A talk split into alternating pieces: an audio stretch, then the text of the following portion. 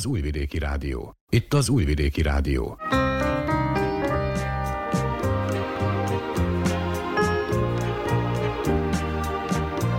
Egészségügyi mozaik.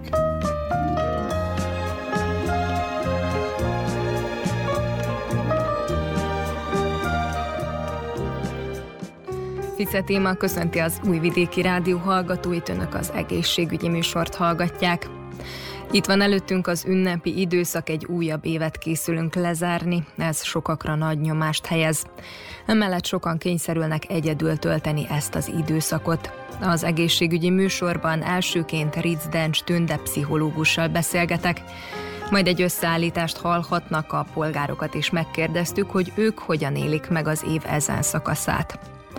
Továbbá hallhatnak egy beszélgetést arról, hogy az éttermekben, a piacokon és az ünnepi vásárokban található ételeknél mikre kell ügyelnünk. Ezt követően szó lesz a mandulákról, ezek fő feladata a behatoló kórakozók megállítása. Részleges vagy teljes műtéti eltávolításuk csak különösen indokolt esetben, például krónikus mandulagyulladás miatt történik meg. Hogy mitől jöhet gyulladásba a mandula, és mikor kell eltávolítani, azokról Zorán Dukigy fülorgégész beszél. A műsor végén pedig a fogfehérítésről adunk közre egy összeállítást, valamint bemutatjuk a kézmasszázs jótékony hatásait, ami segíthet akár a stressz levezetésben is. Többek között ezekkel a témákkal készültünk mára, ha felkeltettük érdeklődésüket, tartsanak velünk. Vukicsevics Mihályló zenei szerkesztő és Nenát Sretenovics hangtechnikus nevében tartalmas időtöltést kívánok.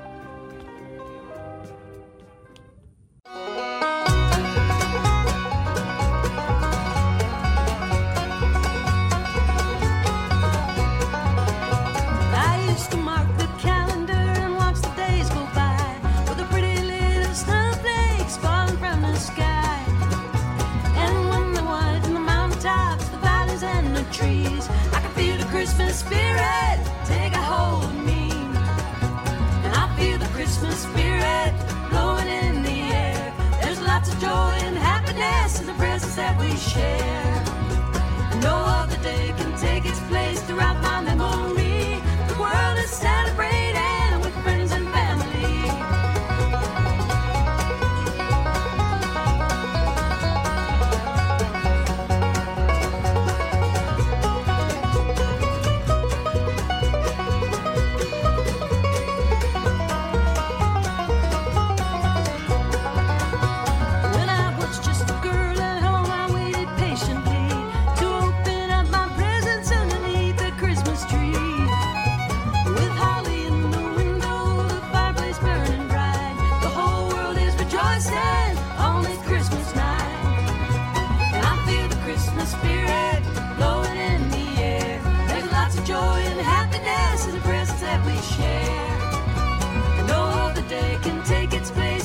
my memory.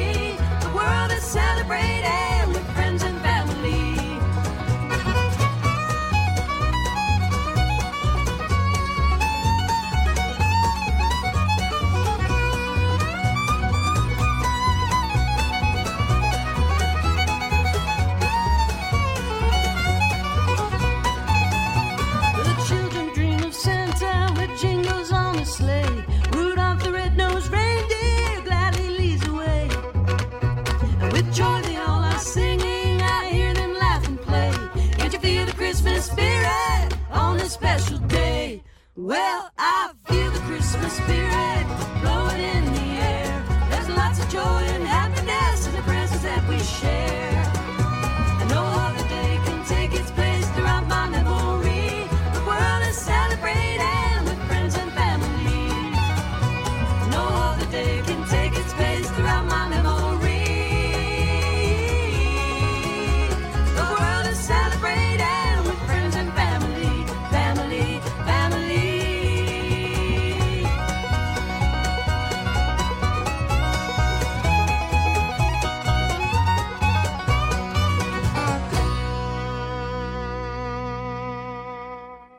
Az ünnepek előtt, valamint az év végéhez közeledve egyre többen tapasztalnak nagy nyomást és feszültséget. Ritz Dencs Tünde pszichológust arról kérdeztem, hogy miért van ez így, és hogy mi lehet a megoldás erre.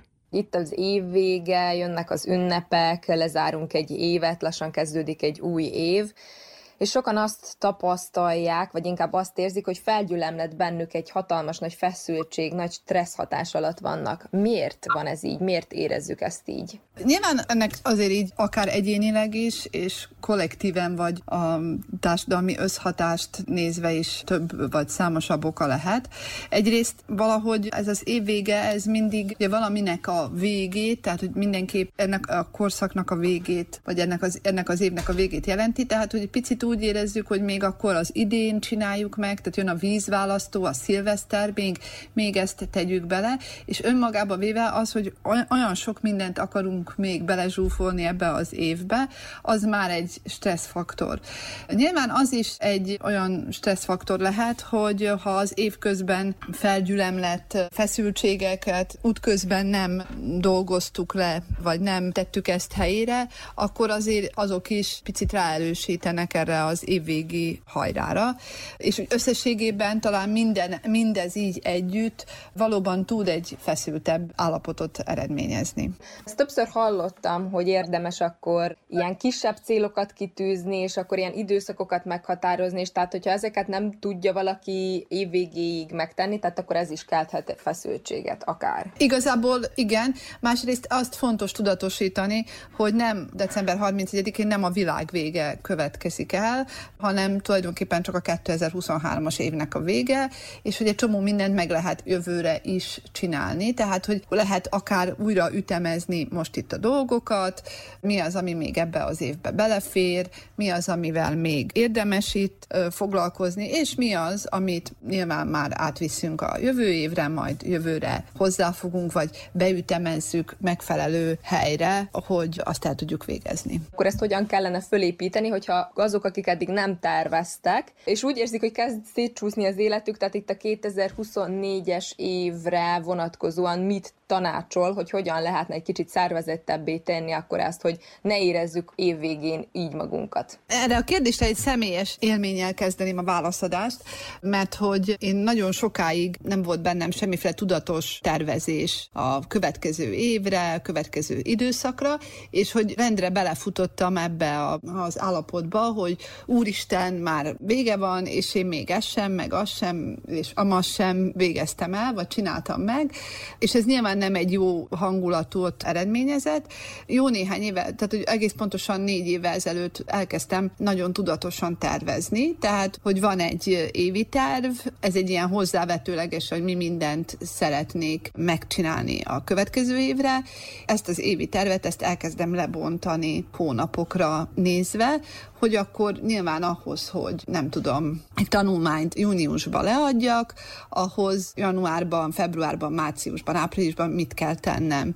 De hát nyilván akár így mondhatnám a nagyon népszerű fogyást is, hogyha x időn belül szeretnék x súlyt leadni, akkor nyilván ezt milyen ütembe. És hogyha a kisebb célokat tűzünk ki magunk elé, akkor egyrészt ezek könnyebben teljesíthetők, ha könnyebben teljesíthetők, tehát hogy úgynevezett részcélokat tűzünk ki a nagy célhoz kapcsolódóan.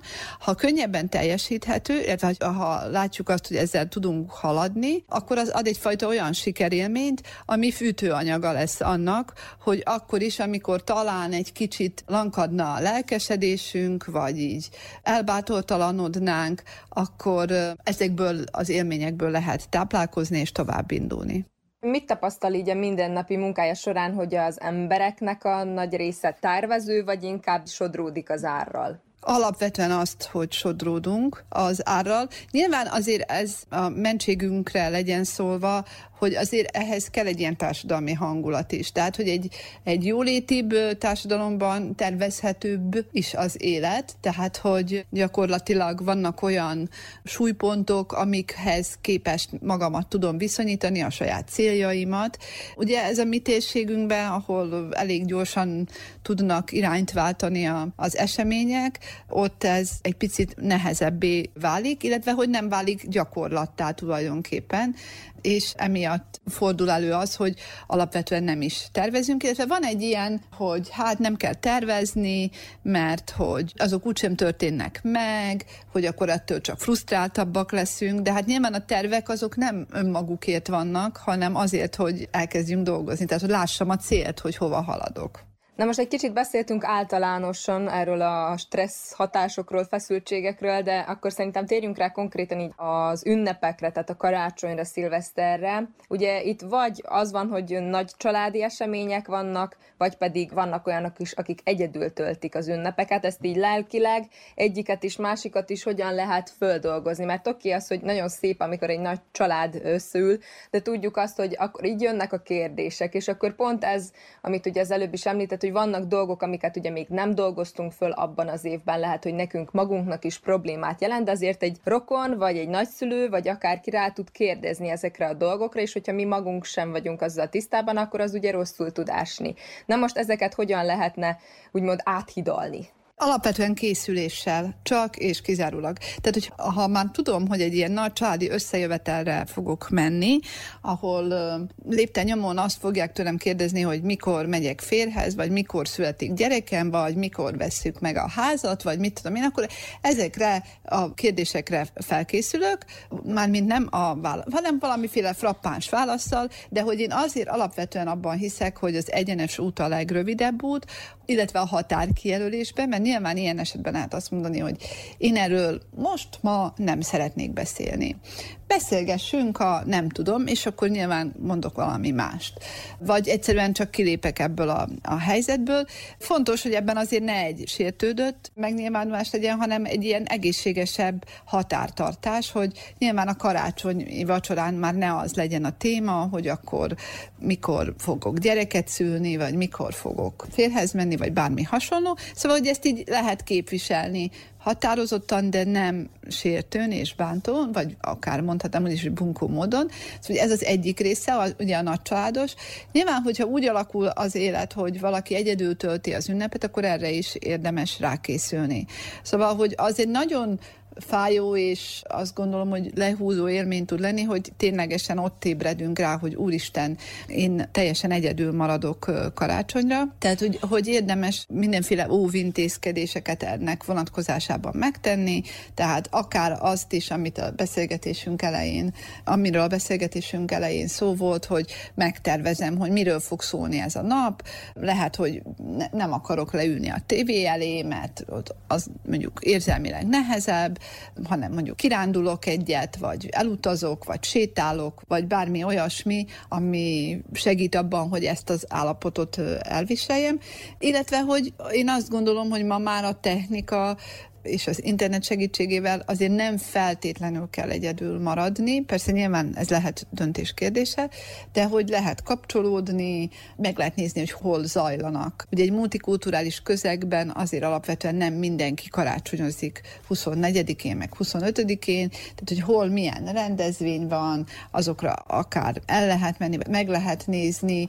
Most nyilván nem én akarok ötleteket adni, de hogy mindenképp, amit hangsúlyoznék, hogy fontos erre készülni.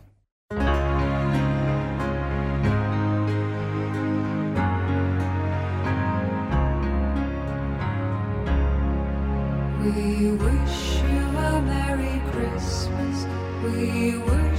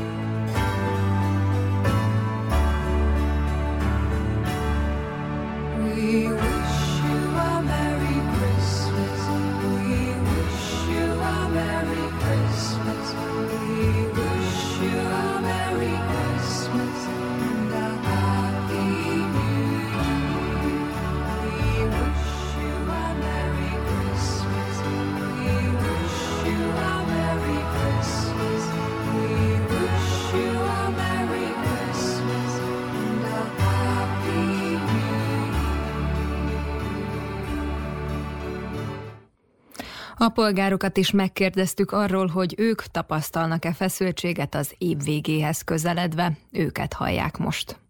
Az utóbbi időben ugye egyre nagyobb hangsúlyt fektetünk erre a két ünnepre.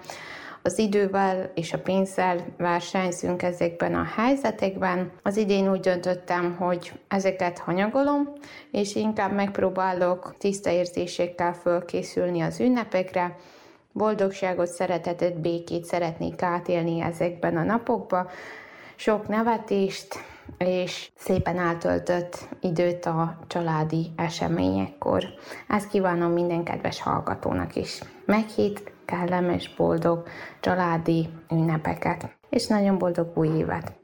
Az ünnepi időszak nekem is mindig elég stresszes, viszont elmondhatom, hogy ez az év, ez kivétel ez alól. Született egy kisfiunk, és az idei karácsonyt nagyon várjuk emiatt, teljesen más. Nyilván nem dolgozok, tehát nincs az a stressz sem, és ugye a terhesség alatt volt időm azzal foglalkozni, hogy kinek mit veszek karácsonyra. Én ezt idén nagyon hamar elkezdtem, azt hiszem szeptember körül talán, de még az is lehet, hogy a nyáron nézegettem, és mivel veszélyeztetett terhes voltam, nem szabadott mennem igazán sehova, és az interneten vásárolgattam. Volt időm nézelődni, nyilván nem bírtam úgy átnézni, hogy a kezembe veszem az adott terméket, de nem csalódtam semmibe, amit így rendeltem, és én így vészeltem át most ezt az időszakot, hogy nem volt stresszes, inkább a baba körül volt stresszes az életünk. Első gyereknél a tapasztalat hiány az ugye ellenség, de igyekszik az ember, és akkor az ünneppel magával nem volt annyira most időnk, nem azt mondom, hogy foglalkozni, de idegeskedni miatta. Más praktikám egyébként nincs erre az időszakra vonatkozólag. Most idén egészségügyileg se megterhelő ez az egész, inkább kitáljesedik ez az egész boldogság, úgymond. Én úgy vettem észre férfi szemmel, hogy körülöttünk a nők azok nagyon készülődnek, mi férfiak leginkább ezt ilyen buliként fogjuk fel, nők így díszítgetnek, meg el vannak, így egész nap takarítgatnak, meg főzőcskéznek, készítik a sok kalácsot, tortát. Hát mi pedig inkább csak úgy összeülnénk férfiak és pihenünk, ez a nap ez leginkább nálunk a pihenésről szól, meg a közös családi ebédről. Annyira nem feszülünk rá az új évre, mert nem az új évtől várjuk a jobbat, hanem törekszünk arra, hogy minden jobb legyen. Igyekszem, hogy ez az időszak ne a stresszelésről és az idegeskedésről szóljon, de be kell vallanom, hogy dolgozó nőként nehéz a 8 órás munkát és a karácsonyra való felkészülést összeegyeztetni, de szerencsére a párom nagy segítségemre van ebben, illetve azt gondolom, hogy a stresszmentes karácsonyra való felkészülésnek a kulcsa az az időben való, illetve apránként való felkészülés. Mi már október végén elkezdtük a karácsonyfa díszeknek, a dekorációknak a beszerzését, illetve idén műfenyőt vásároltunk, azt is már beszereztük november végén, illetve nagy segítség, hogy mi családon belül nem ajándékozunk, tehát ezen sem kellett gondolkodnunk, hogy kinek mit fogunk vásárolni. Ami pedig a karácsonyt megelőző hetet illeti, felosztottuk a feladatokat a párommal, felosztva végezzük a, a takarítást, akkor a, a bevásárlást, sütemények készítését, főzést, karácsonyfa díszítést, tehát így munkamegosztásban végezzük el a feladatokat, hogy 24-e az pihenéssel, illetve a a, karácsonynak a kielvezésével tudjon telni. A karácsonytól függetlenül úgy érzem, hogy így az év végére elfáradtam, és hogy ez a karácsony, illetve új év közötti időszak, ez jó lehetőség arra, hogy kipihenjem ugye az elmúlt időszaknak a, a fáradalmait, illetve az új év előtti időszakot mindig arra szoktam használni, hogy felkészüljek a, az új évre, így átgondoljam a céljaimat, hogy miket szeretnék a következő évben megvalósítani, átgondolom azt, hogy a magunk mögött hagyott évben mik történtek velem, és azokról igyekszem így levonni a tanulságot.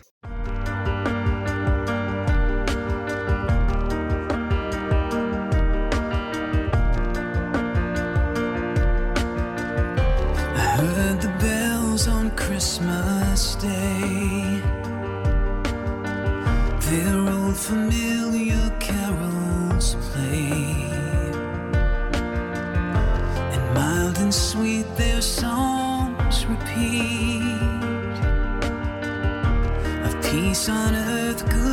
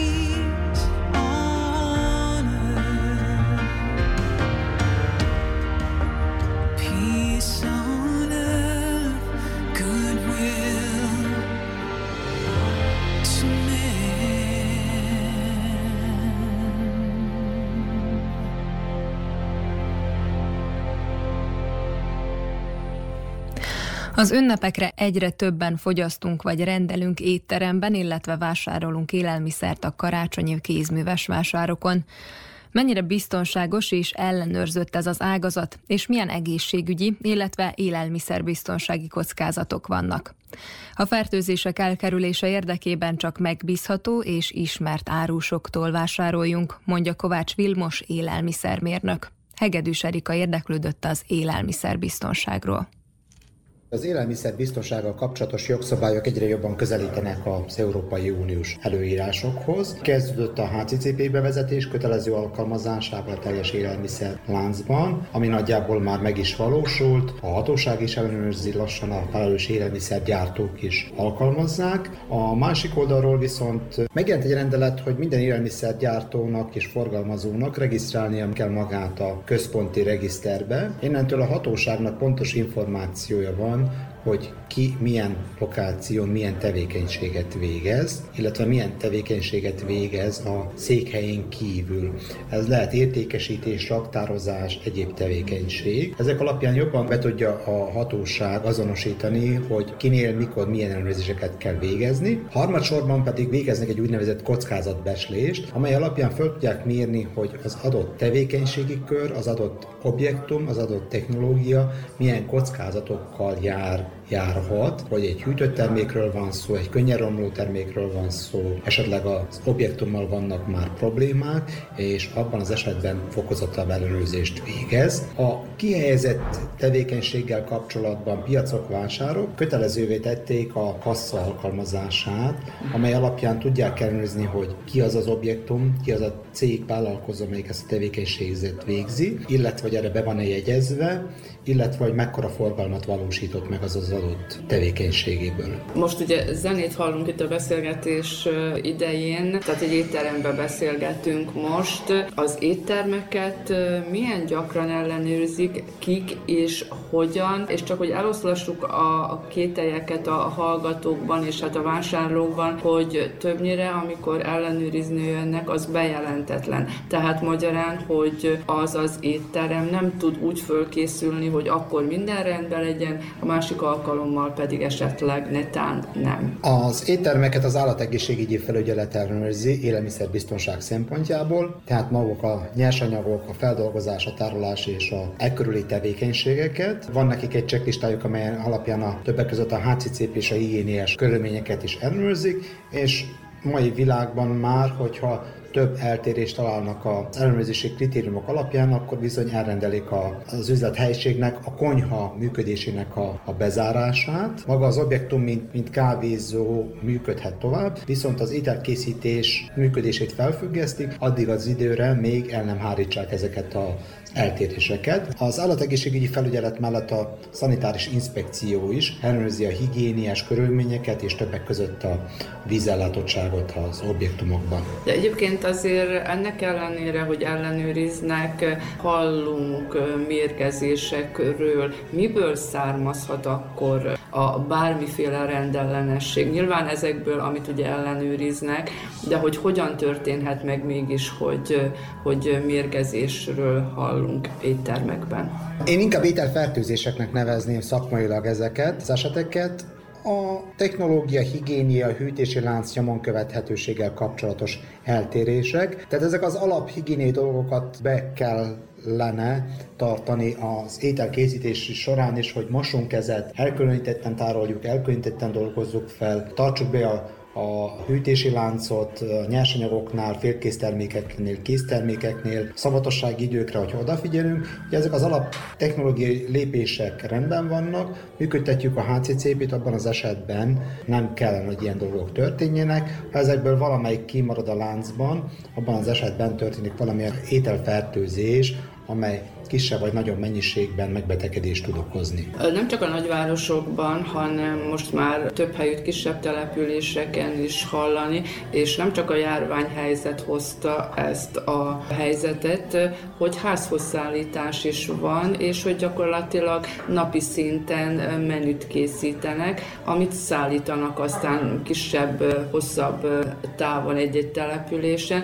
Nyilván, hogy itt nem minden nap frissen készítenek készítenek mindent elő, vagy főzik meg, vagy esetleg félkész előkészítés van. Ilyen esetben mennyire biztonságos, hogyha elvárjuk, hogy házhoz szállítsák a, akár az ünnepi ebédet, akár, akár a napi menüt? Az élelmiszer biztonsági törvény alapján a, az élelmiszer előállítónak, forgalmazónak a teljes láncban biztosítani kell az élelmiszer biztonságot. Tehát attól a pillanattól, hogy ő átvette a nyersanyagot az éttermébe, büféjébe, catering cégébe, egészen addig még át nem adja a fogyasztónak. Ez lehet egy, egy hamburger esetében a pult, ahol kiadta, az étterem esetében lehet a tányér, ahol felszolgálta, illetve kiszállítás esetén pedig a fogyasztónak az átadása abban azon a ponton lakás és egyéb címen, illetve van még egy kategória, ami érdekes és esetleg problémát tud okozni, abban az esetben, hogy ezt valamilyen nyilvános rendezvényen szolgálják fel, svédasztal és egyéb formában, mivel abban az esetben is két-három-négy óraszával elő kell elkészíteni a terméket, és vagy hőn kell tartani a terméket, vagy újra fel kell melegíteni, attól függ, hogy milyen technológiát alkalmaznak. Ebben az esetben is végig kell szavatolni az élelmiszerbiztonságot. Ami fontos, hogy házhozszállításhoz jelölni kellene ugyanúgy a terméket, jelölniük kell a terméket az éttermeknek, tehát hogy milyen ételről van szó, ez hogyan fogyasztható, meddig fogyasztható, illetve tartalmazhat-e allergént, miből készült. Egyes éttermek, ezt hallottam több ismerőstől, nem fogadják el, hogy a saját edényembe töltsék, hanem saját csomagolásban adják ki. Ez a saját biztonságuk érdekében teszik? Igen, mert elvileg a az élelmiszer feldolgozás, ez, ez egy általános szakmai elv, hogy az élelmiszer üzemünkben, ez lehet egy gyár is, de ugyanúgy lehet egy konyha is, ne engedjünk be senkit és semmit, amelyiknek a higiéniai követelményeit nem ismerjük. Annak ellenére, hogy valószínűleg ön is és én is jól elmosnánk azt az edénykét, amiben szeretnénk elvinni az ételt. Saját érdekünk. Igen, igen, de ez egy kockázatot jelent, hogyha akár mi megyünk be, akár az edényünk megy be a konyhába, ezért van az, hogy nem praktizálják ezt, hogy a saját edényünkben bekerüljön a konyhába, és ott kerüljenek bele az általuk előállított élelmiszerek. Említettem el, hogy rendezvényeken is főznek, tehát ilyen szabadtéri fogyasztásra akár ilyen esetben történhet azért mégis valami baki, valamilyen fertőzés? Ha kivonul egy cég és helyszínen készít vagy szolgál fel élelmiszert, a legkritikusabb, hogy megfelelően tudják-e hűtve tartani a nyersanyagokat, van erre lehetőségük. Biztosította a hideg-meleg víz kézmosáshoz, illetve takarításhoz, Hogyha ezek a paraméterek helyben vannak, illetve a nyersanyagok rendben vannak, akkor már kisebb a kockázata. Sok esetben viszont ez a probléma, hogy az ilyen büfékocsikban nem megoldott az ivóvíz minőségi vízzel ellátás, illetve meleg víz a kézmosáshoz. Talán nyáron nagyobb a kockázata? Lényegtelen, hogyha nem biztosította megfelelő takarítási, fertőtlentési módszer, illetve kézmosási lehetőség, innentől fönnáll egy ételfertőzésnek a veszélye. És hát most ugye itt az ünnep környékén, advent karácsony környékén környékén nagyon sokan kijárunk a karácsonyi vásárokba, bazárokba, ahol szintén a sütitől kezdve a szaloncukor, csokoládén keresztül még készítelt is vásárolunk, ugye erről már bizonyos értelemben beszéltünk, de mennyire ellenőrzik például egy becsomagolt szaloncukor vagy csokoládé minőségét? Vagy az már a gyártási folyamatban, a csarnokban megtörténik? Ha késztermékről a gyártónak a felelőssége, hogy élelmiszerbiztonságból megfelelő terméket, illetve megfelelően jelölt terméket állítson elő, és ezt az a saját önellenőrzési tervében HCCP, ISO 22000 vagy egyéb szabványok által működtetett rendszerében kell, hogy biztosítsa, illetve hogyha valamilyen egészségügyi kifogás probléma van, akkor ezek az eredmények alapján tudja igazolni, hogy nála rendben voltak a dolgok, vagy pedig valamilyen higiéniai termelési fegyelmi probléma történt. A gond akkor van, hogyha ez egy nem jelölt, nem deklarált termékről van szó, illetve nem nyomon követhető, hogy ezt ki, mikor, milyen üzemben állította elő. Ezekben az esetekben nem is tudunk kérni minőségi vagy pedig élelmiszerbiztonsági kifogásokkal, mert nem ismert a gyártója vagy a forgalmazója.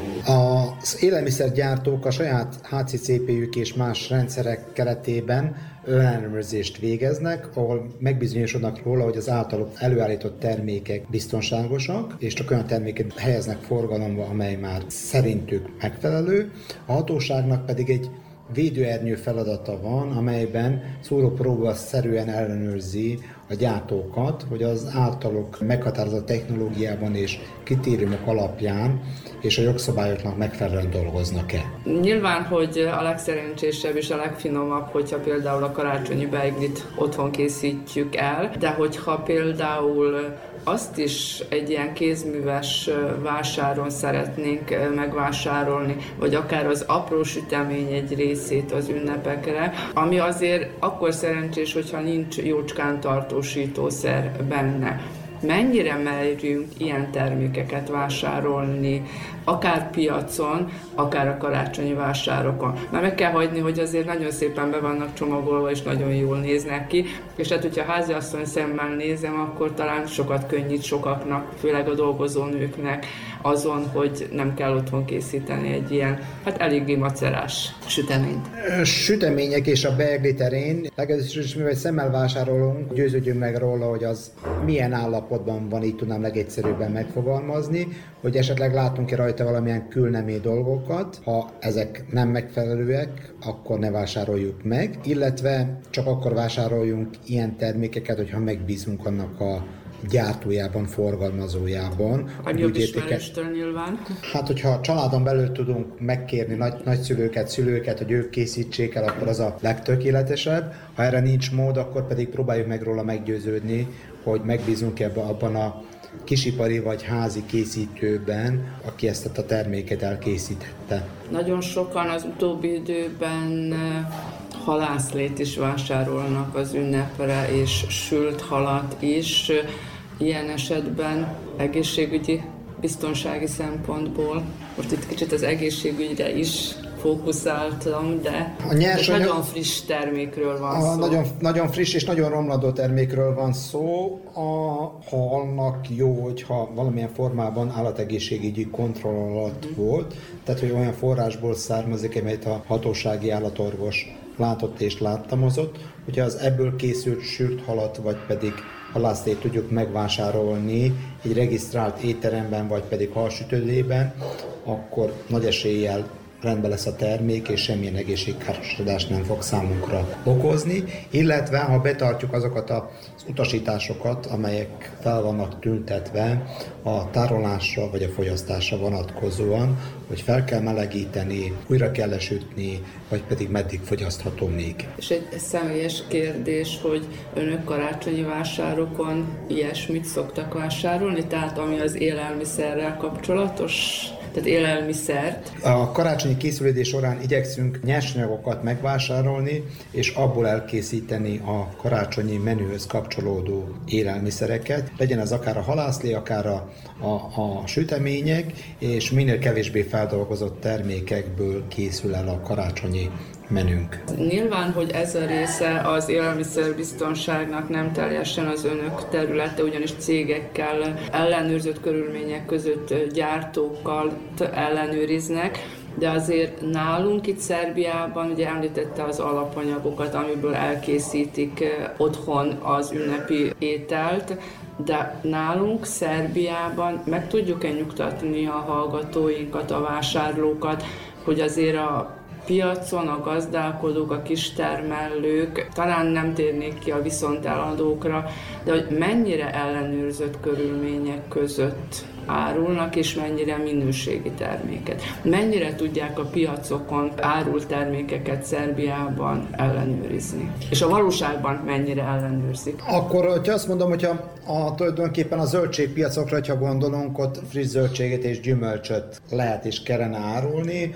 A többi termék, hogyha nem regisztrált kereskedőkről és forgalmazókról van szó, ők, ők valahol a szürke zóna környékén mozognak, amelyet a hatóság csak időközönként ellenőrizés szankcionálja, hogyha nem olyan termékeket árul vagy forgalmaz, vagy nem olyan körülmények között, amelyet a jogszabály lehetővé tesz számára. Én azért azt mondanám, hogy a piaci árusok nagy része azért igyekszik felelősen hozzáállni a dolgokhoz, mivel szeretne egy rendszeres vásárlót, főleg kisebb közösségekben, ahol hetente ugyanazok az emberek térnek vissza, és szüksége van neki a rendszeres fogyasztókra, ezért igyekeznek azért betartani azokat a minimum követelményeket, hogy ne okozzon semmilyen élelmiszer eredetű egészségi károsodást.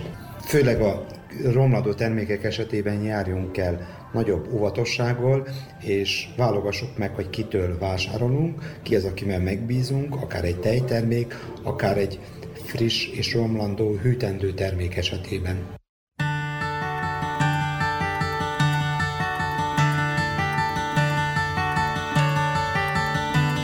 You fill up my senses like a night in a forest, like the mountains in springtime, like a walk in the rain, like a storm in the desert, like a sleepy blue ocean you fill up my senses. Come fill me again. Come, let me love you. Let me give my life to you. Let me drown in your laughter. Let me die in your arms. Let me lay down beside Let me always be with you. Come, let me love you. Come, love me.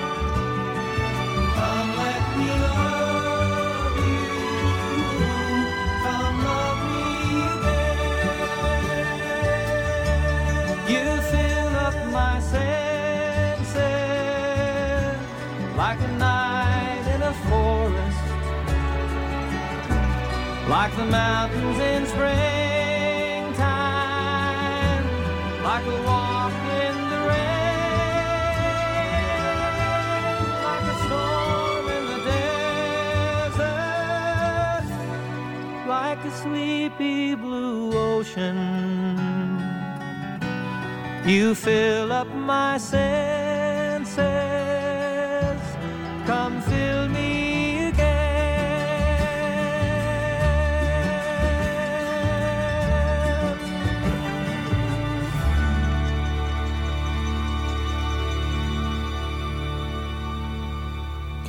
A mandulák fő feladata a behatoló kórakozók megállítása. Gyulladás esetén ezek kezelése többnyire konzervatív módon, láz és fájdalomcsillapító szerekkel, baktérium okozta fertőzés esetén pedig antibiotikum kúrával történik. Mivel a manduláknak fontos élettani szerepe van a fertőzések elleni védekezésben, részleges vagy teljes műtéti eltávolításuk csak különösen indokolt esetben, például krónikus mandulagyulladás esetén történik. Zorán Dukigy fülorgégészt kérdeztem. Mandula, ormandula azok a nyirokrendszernek a részei, és a, az immunrendszernek a részei, gyakorlatilag az őrei a szervezet bejáratánál. Egy hatszög, egy Valder-féle hatszögnek a részei, ami a légutak és az emésztőutak kereszteződésénél, vagyis a garatban található meg. Minden, ami bejut a szervezetbe, úgy táplálkozáson, folyadékon vagy belélegzésen keresztül, idézőjelben mondjam, át legyen vizsgálva, és az immunrendszernek arról legyen tudomása és, és esetleges reakciója erre. Na most itt az a gond, hogy mivel olyan közösségekben élünk, amik nem természetesek, szóval nagy konglomerátumokban, nagy csoportokban élünk, akkor nyilván ezek a fertőzések, különféle vírusok, baktériumok könnyebben tudnak terjedni, mert közel vagyunk egymáshoz. Ez pláne vonatkozik a legfiatalabbakra, a diszkuláskor előtti gyerekekre, akik ugye a bölcsödékben, óvodákban átadják egymásnak a fertőzést, és ezek a mandulák, ezek ki vannak téve egy állandó infektív stimulációnak, ez miatt megduzzadnak. Ugye ez régi biológiai szabály, hogy minden szer, amit fokozottabban használunk, az megnövekszik, hát így a mandulák is. És akkor egyrészt mechanikusan, másrészt pedig a fertőzésből kifolyólag különféle problémákat okoznak. Légzészavart, vagyis ordugulást, szájlégzést, amiből aztán kialakul egy garatmandula probléma is, megnövekedés, krónikus elváltozás, odahatnak a fülnek a normális funkciójára, vagyis az Eustachius kürt funkciójának a problémájára, amiből kifolyólag kialakul egy, egy pangás a fülben, folyadék, váladék felhalmozódás, állandó visszatérő gyulladások, hallássérülés, vagyis ideglenes süketség, ami aztán, hogyha nem kezeljük, akkor átalakulhat egy, egy tartós vezetéses halláskárosodássá. Ezen kívül, hogyha hosszabb ideig tart ez az egész, hogyha ezt nem, nem kezelik, akkor az egész állkapot, vagyis az arc csontvázának a rossz, téves fejlődése, a gótikus szájpad kialakulása, a másodlagosan kialakult orsövényferdülés, és stb. stb. Szóval itt egy egész folyamat van.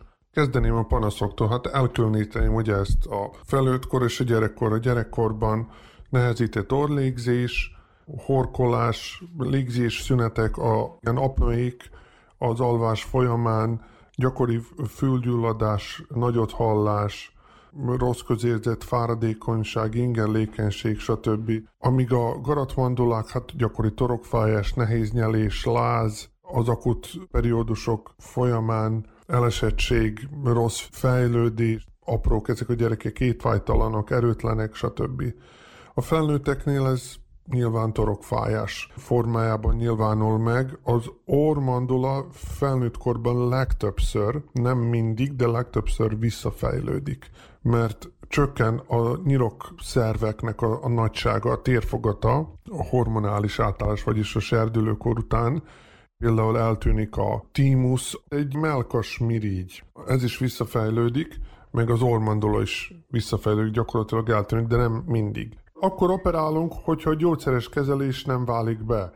Vagy próbáljuk az akut periódusokban antibiotikummal, ilyen segédterápiákkal kezelgetni a dolgokat, próbáljuk antihistaminikum, kortikoszteroid, meg immunomodulátor terápiával, immunoglukánnal csökkenteni ezt az infektív duzzanatot, az orrmandula tájékán is fölállítani a normális orlégzést, vagyis a fülnek a normális működését. Hogyha ez sikerül, akkor jó. Ha nem sikerül több hónapos próbálkozás után, akkor nyilván itt a műtét az egyetlen, ami, ami segít. Altatásban operálunk ma már mindent. Úgy a felnőtteket, mint a gyerekeket. Ugye a gyerekeket azelőtt is altatásban csináltok, de a felnőtteket azt, azt nem. De miért? Azért, mert volt egy ilyen álláspont, hogy nem olyan nagy gond, kibírja azt a felnőtt meg, úgyis, úgy, úgy se fáj neki, meg gyakorlatilag technikailag könnyebb a műtét olyan módon, hogy megijed is tele van adrenalinnal, aztán a vérzés az minimális. Viszont attól elálltunk, mert ott voltak mindenféle problémák, hogy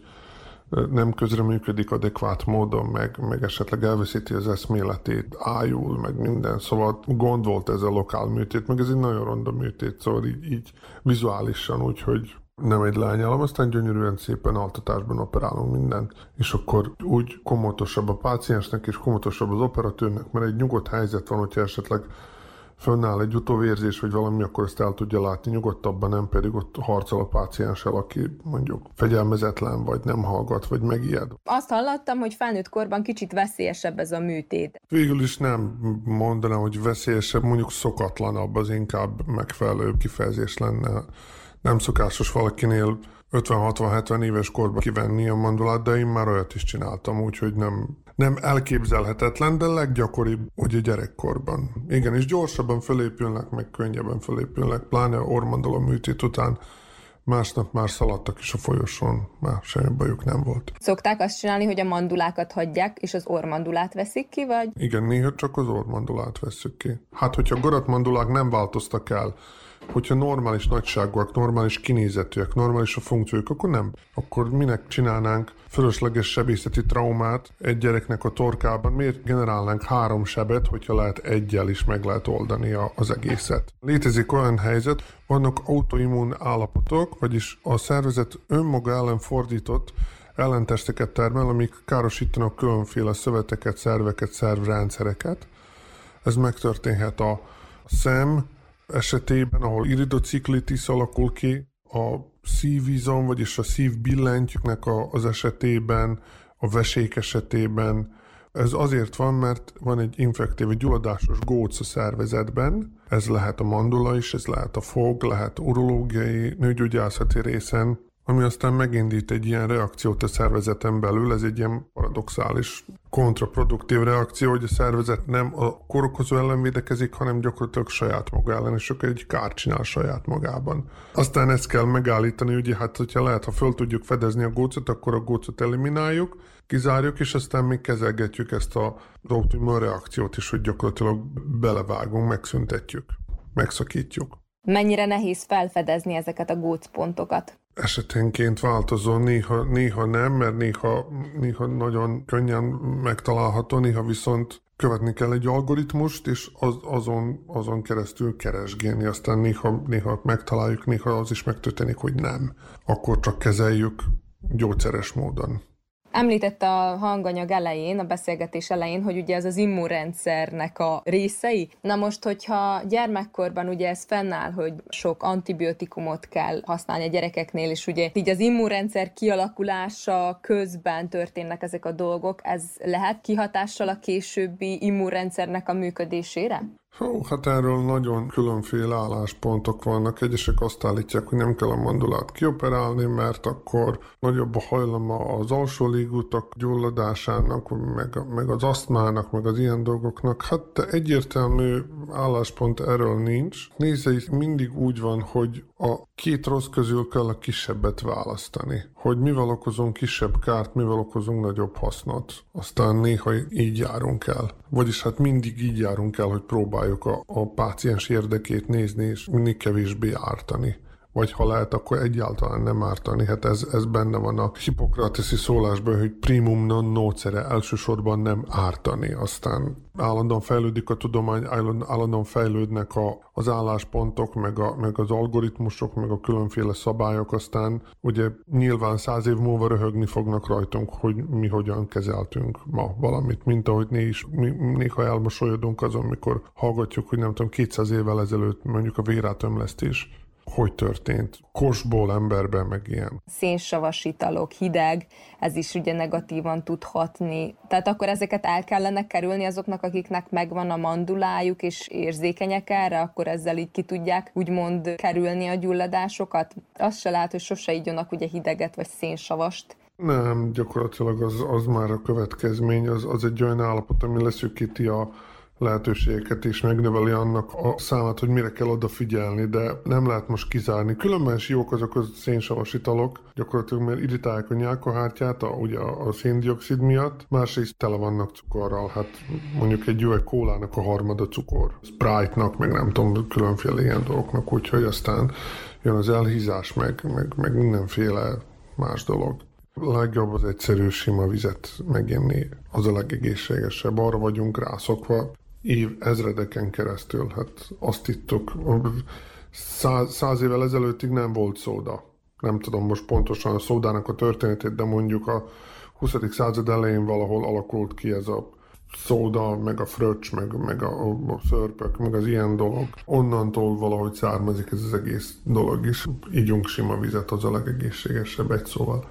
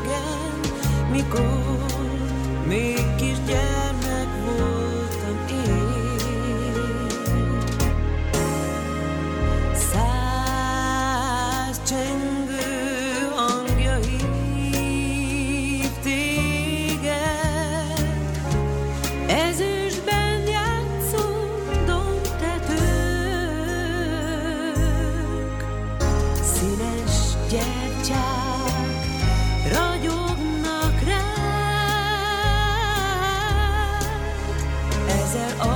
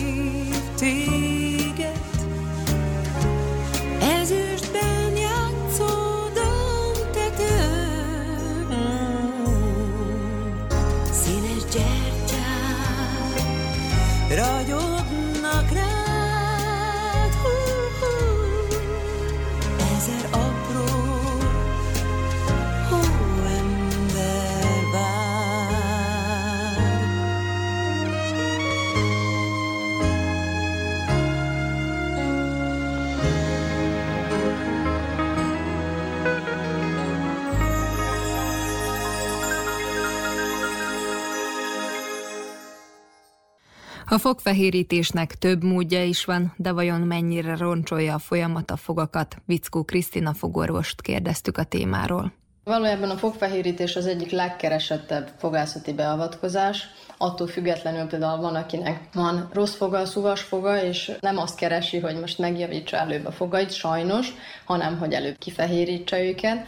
Valójában ez a széles fehér mosoly ma már ugye divat is. Az érdekes, hogy a fognak a színét valójában a fogzománc alatti dentin adja, ami főként ilyen örökletes tényezők befolyásolják, de nagyban kihat az is, hogy milyen italokat, milyen élelmiszert fogyasztunk. Itt főként a fekete kávé fogyasztására, áfonya, szörp, vörösbor gyakori fogyasztása elszínezi a, a fogzománcot, vagy a dohányzás is. De hogyha mondjuk valaki rendszeresen kávézik, dohányzik, és hogyha mondjuk leáll velük, vagy rendszeresen tisztán tartja, mossa a fogát, akkor ezt lehet kompenzálni? Vagy így is úgy is besárgul neki a lehet kompenzálni, szóval van, akinek eredetileg annyira fehér a foga, hogy semmilyen rossz szokás nem fog kihatni rá, még hosszú távon is, hogyha használja az ilyen italokat. Szóval maga a fehérítő anyag az ilyen különböző termékekben, ami benne van, az ilyen hidrogén karboxid, ami valójában azt úgy is el tudjuk képzelni, ami fordrásznál, mikor a, a lányok hajtincseket húznak ki, ilyen blansa, szóval maga a fehérítő anyag húzza ki a pigmenteket a fogzománcból. És a fogfehérítésnek két típusa létezik, lehet rendelőben elvégezni, vagy akár otthon is, de fogorvos felügyelete alatt, és olyan fehérítő anyagok használatát ajánljuk persze, amíg tesztelve vannak, és a fogorvos ajánlja. Különböző áruházakban lehet sokfajta fehérítő anyagot látni, ami nem éppen biztonságos, és roncsolhatja a zománcot. Itt jelentkezhet erős fogérzékenység, akár a zománcot is roncsolhatjuk annyira, hogy ilyen kis lukak is jelentkezhetnek a zománcnak a felületén. Ez vissza nem fordítható dolog? Vissza nem fordítható dolog. És például a fogkrémek, amik azt hirdetik, hogy fogfehérítésre vannak, ezek valóban fehérítik a fogakat, vagy ugyanolyan fogkrém van minden fogkrémben? Valamelyik fehéríti a fogakat, itt arra kellene kitérni, hogy a fehérítő fogkrémekben erősebb abrazív szemcsék vannak, vagy van egy nagyon pici százalék hidrogén, amit most említettünk is, hogy mindegyiknek a fogfehérítő anyagban a hidrogén az alapja, csak attól függ, hogy milyen effektív vagy milyen erős, az az a százaléktól függ. Ugye ez 2-től 35-6 százalékig. Természetes anyagokkal ezt a hatást el lehet érni egyébként, mert ugye nagymamáink is még mondták ezeket a házi praktikákat, hogy akár szódabikarbóna, vagy aktív szén, meg hasonló dolgokkal is lehet fehéríteni a fogat. Ez most valóban hatásos, vagy nem hatásos, vagy hatásos, de ugyanolyan káros? Hatásos, igen, ugye egy kifehéríti a fogakat, de nem biztonságos. Szóval az senki se tesztelte le, hogy most ha citromot tartunk a fogunk között, vagy a fogsoron között, hogy mennyire fogjuk roncsolni a fogainkat, de ha egy, valaki kipróbálja 5-6 napig a citromot rákcsálni, akkor majd meglássa, hogy mennyire fájdalmas, és nagyon gyorsan el fog állni attól a metódustól. A szodabikarbóna meg inkább akkor ajánlott, mikor nagymamák azért ajánlották, amikor a protézisük kivehető fogpotlásuk, mikor begombásodott, vagy a száj üreg, mikor gombás, akkor azt csinálták, az is ajánlott ma, szóval az a gyógyszer rá, hogy a fogpotlást betesszük egy csésze vízbe, és egy kanál szodabikarbonát teszünk abba a pohár vízbe, és olyan szudabikarbona alapú krémeket ajánlunk, hogy ez a gombás infekció elmúljon. Másrészt, szóval ez nagyon effektív arra, másrészt pedig a szudabikarbona fehérítésre, ha valaki használja, az nagyon abrazív, és valójában dörzsöl és sérti a fogzománcot, szóval az nem ajánlott lehet olvasni az interneten ilyen cikkekben, hogy az ilyen citrusfélék után várni kell fél órát legalább, tehát nem szabad fogat mosni sem. Demineralizálja a zománcnak a felületét. Káros, igen. igen.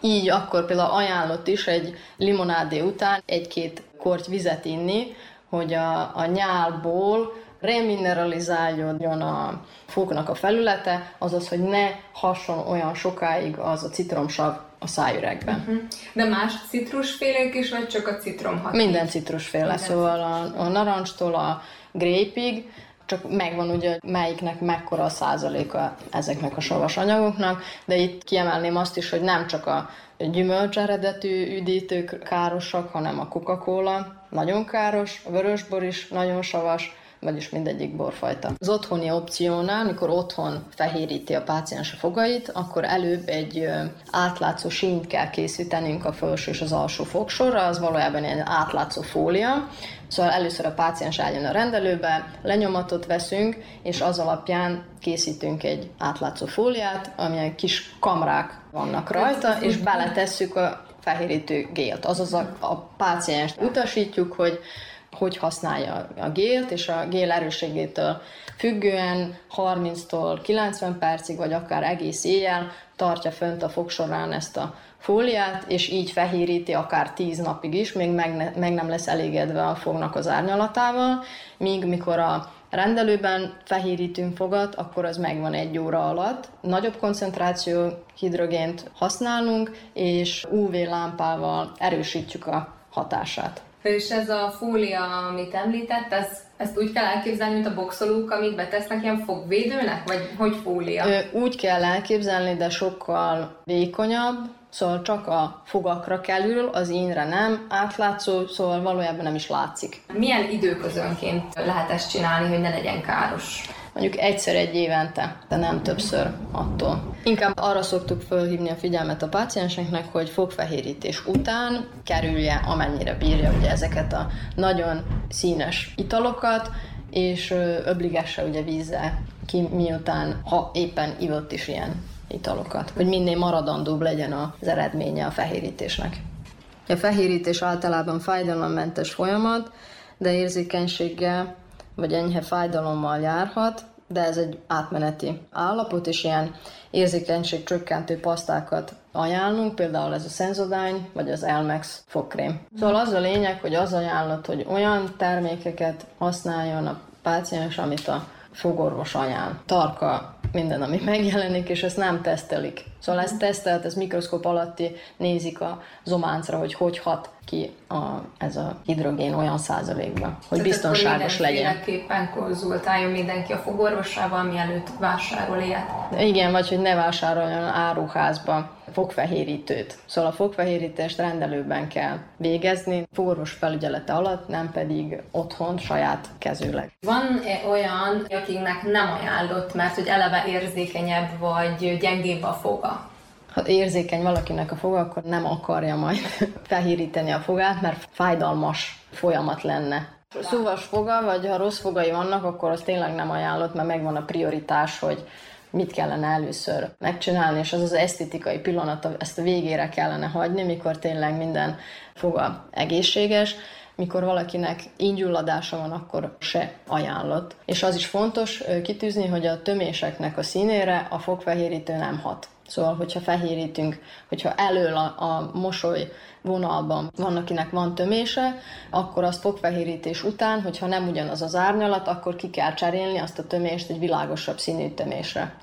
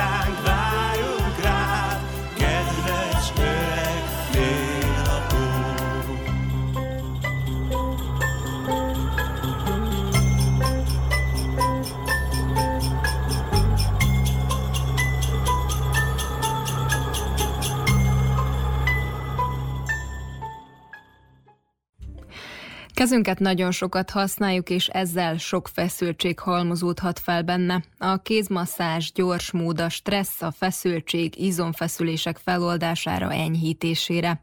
Berta Berényi téma mondja el a részleteket. Kéz, a tenyér tele van gyógypontokkal, mint ahogy a talp, a pül vagy az arc is.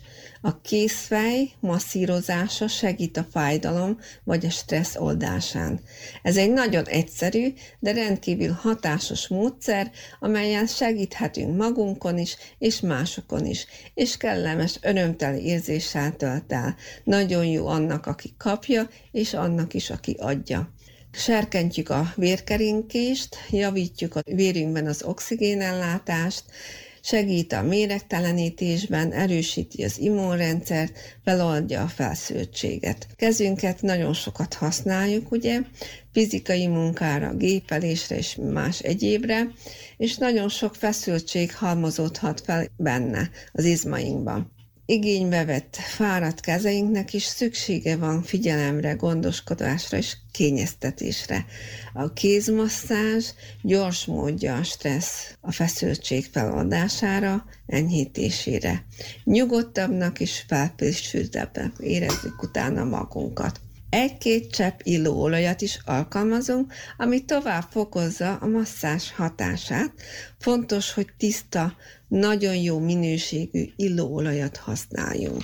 Nagyon könnyen megtanulható, és könnyen alkalmazható is, bármikor, bárkinek, bárhol. Csak legyen nálunk mindig illóolaj. Több dolog adódik össze, már az érintésnek, simogatásnak varázs ereje van, alapszükségletünk ugye az érintés, a kéz érintése mellett a masszás fogások, és persze az illóolajak rendkívüli ható ereje adja a pozitív hatást. Az illóolajok egy cseppje is nagy mennyiségű hatóanyagot tartalmaz, ahogy megszagoljuk, illatoljuk, ezzel már gyorsan eljut az agy érzelmekért felelős központjába, és így az illat hat a viselkedésünkre, hangulatunkra, memóriánkra. Az illóolaj könnyen felszívódik a bőrön keresztül, és gyorsan a vérkeringésbe kerül, és fél órán belül megtapasztalhatjuk a kedvező hatását. Különféle illóolajak vannak, például levendulának nyugtató hatása van, a vadnarancsnak hangulatemelő hatása, citrom az a figyelmet segíti, borsmenta kiváló fejfájásra és emésztésre is, de nagyon jó frissít, hűt is, ebben a kánikulában nagyon jó frissítő érzést ad. A kopaiba például jó gyulladáscsökkentő, de vannak illóolaj keverékek is, amit használunk, így masszázsra, légzéskönnyítő, illóolajkeverék, vagy emésztéskönnyítő, figyelemsegítő, immunrendszer erősítő és almástámogató illókeverék is van, és attól függően, hogy éppen mire van szüksége, azt használjuk. Nagyon fontosnak tartom azt, hogy tudjunk tenni saját és mások egészségéért, jólétéért, jó hangulatáért. Tehát a családban tudjunk egymásnak segíteni legalább. A kéz ugye kéznél van, használjuk, dolgozunk vele nap mint nap, de használjuk arra is, hogy egy kicsit kinyeztessük mások kezét, illetve hagyjuk azt is, hogy mi a mi kezünket is megmasszírozza valaki egészségünkre.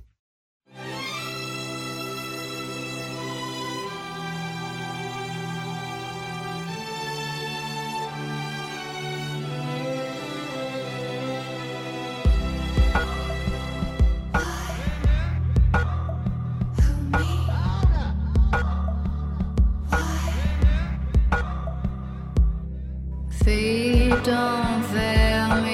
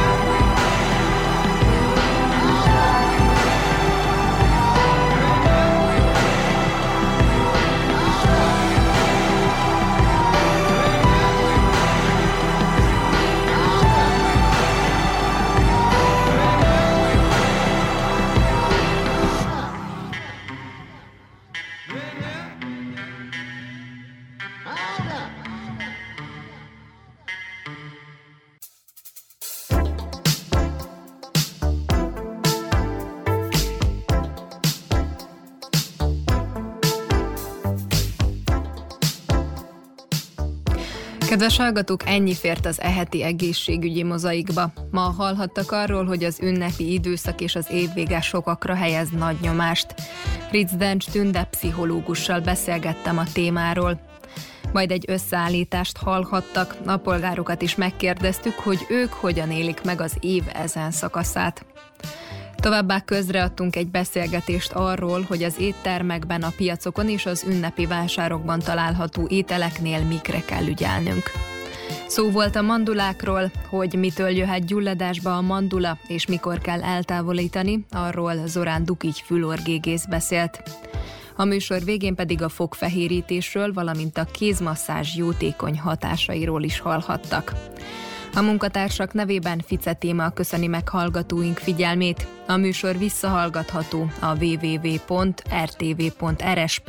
honlapon, a médiatárban az egészségügyi mozaik cím alatt.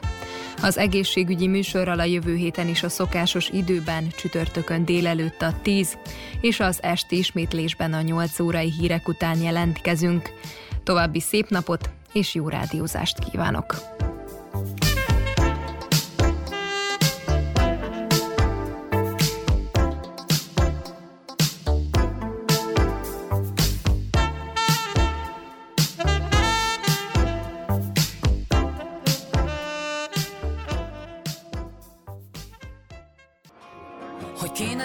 Rossz, mi a jó, nem létezik szó, mindent áthidaló. Mert amit nem tartanak semmire sem, nem is jó, semmire nem hihetem.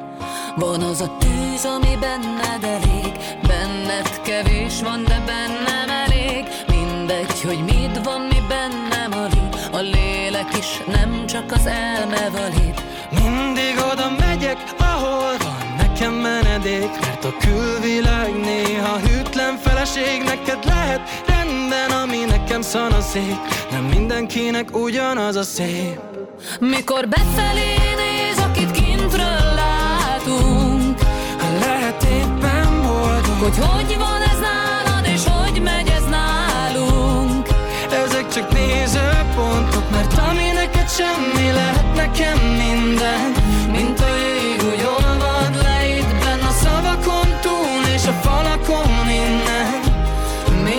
kincsem. Mindenben úgy kell elmerülni A külsőségeket elkerülni Mert jobb állni és élni belül Mint megfáradtan egy tévhiten ülni. Ha felragyog a hold szemeren Úgy a csendnél nincs szebb szerenet Lehet fele más, de egy életvitel Csak elfogadni nem érteni kell. Mindig oda megyek, ahol van nekem menedék A külvilág hűtlen férj és nem egyéb Neked lehet rendben, ami nekem szanaszék Nem mindenkinek ugyanaz a szép Mikor befelé néz, akit kintről látunk Lehet éppen boldog. Hogy hogy van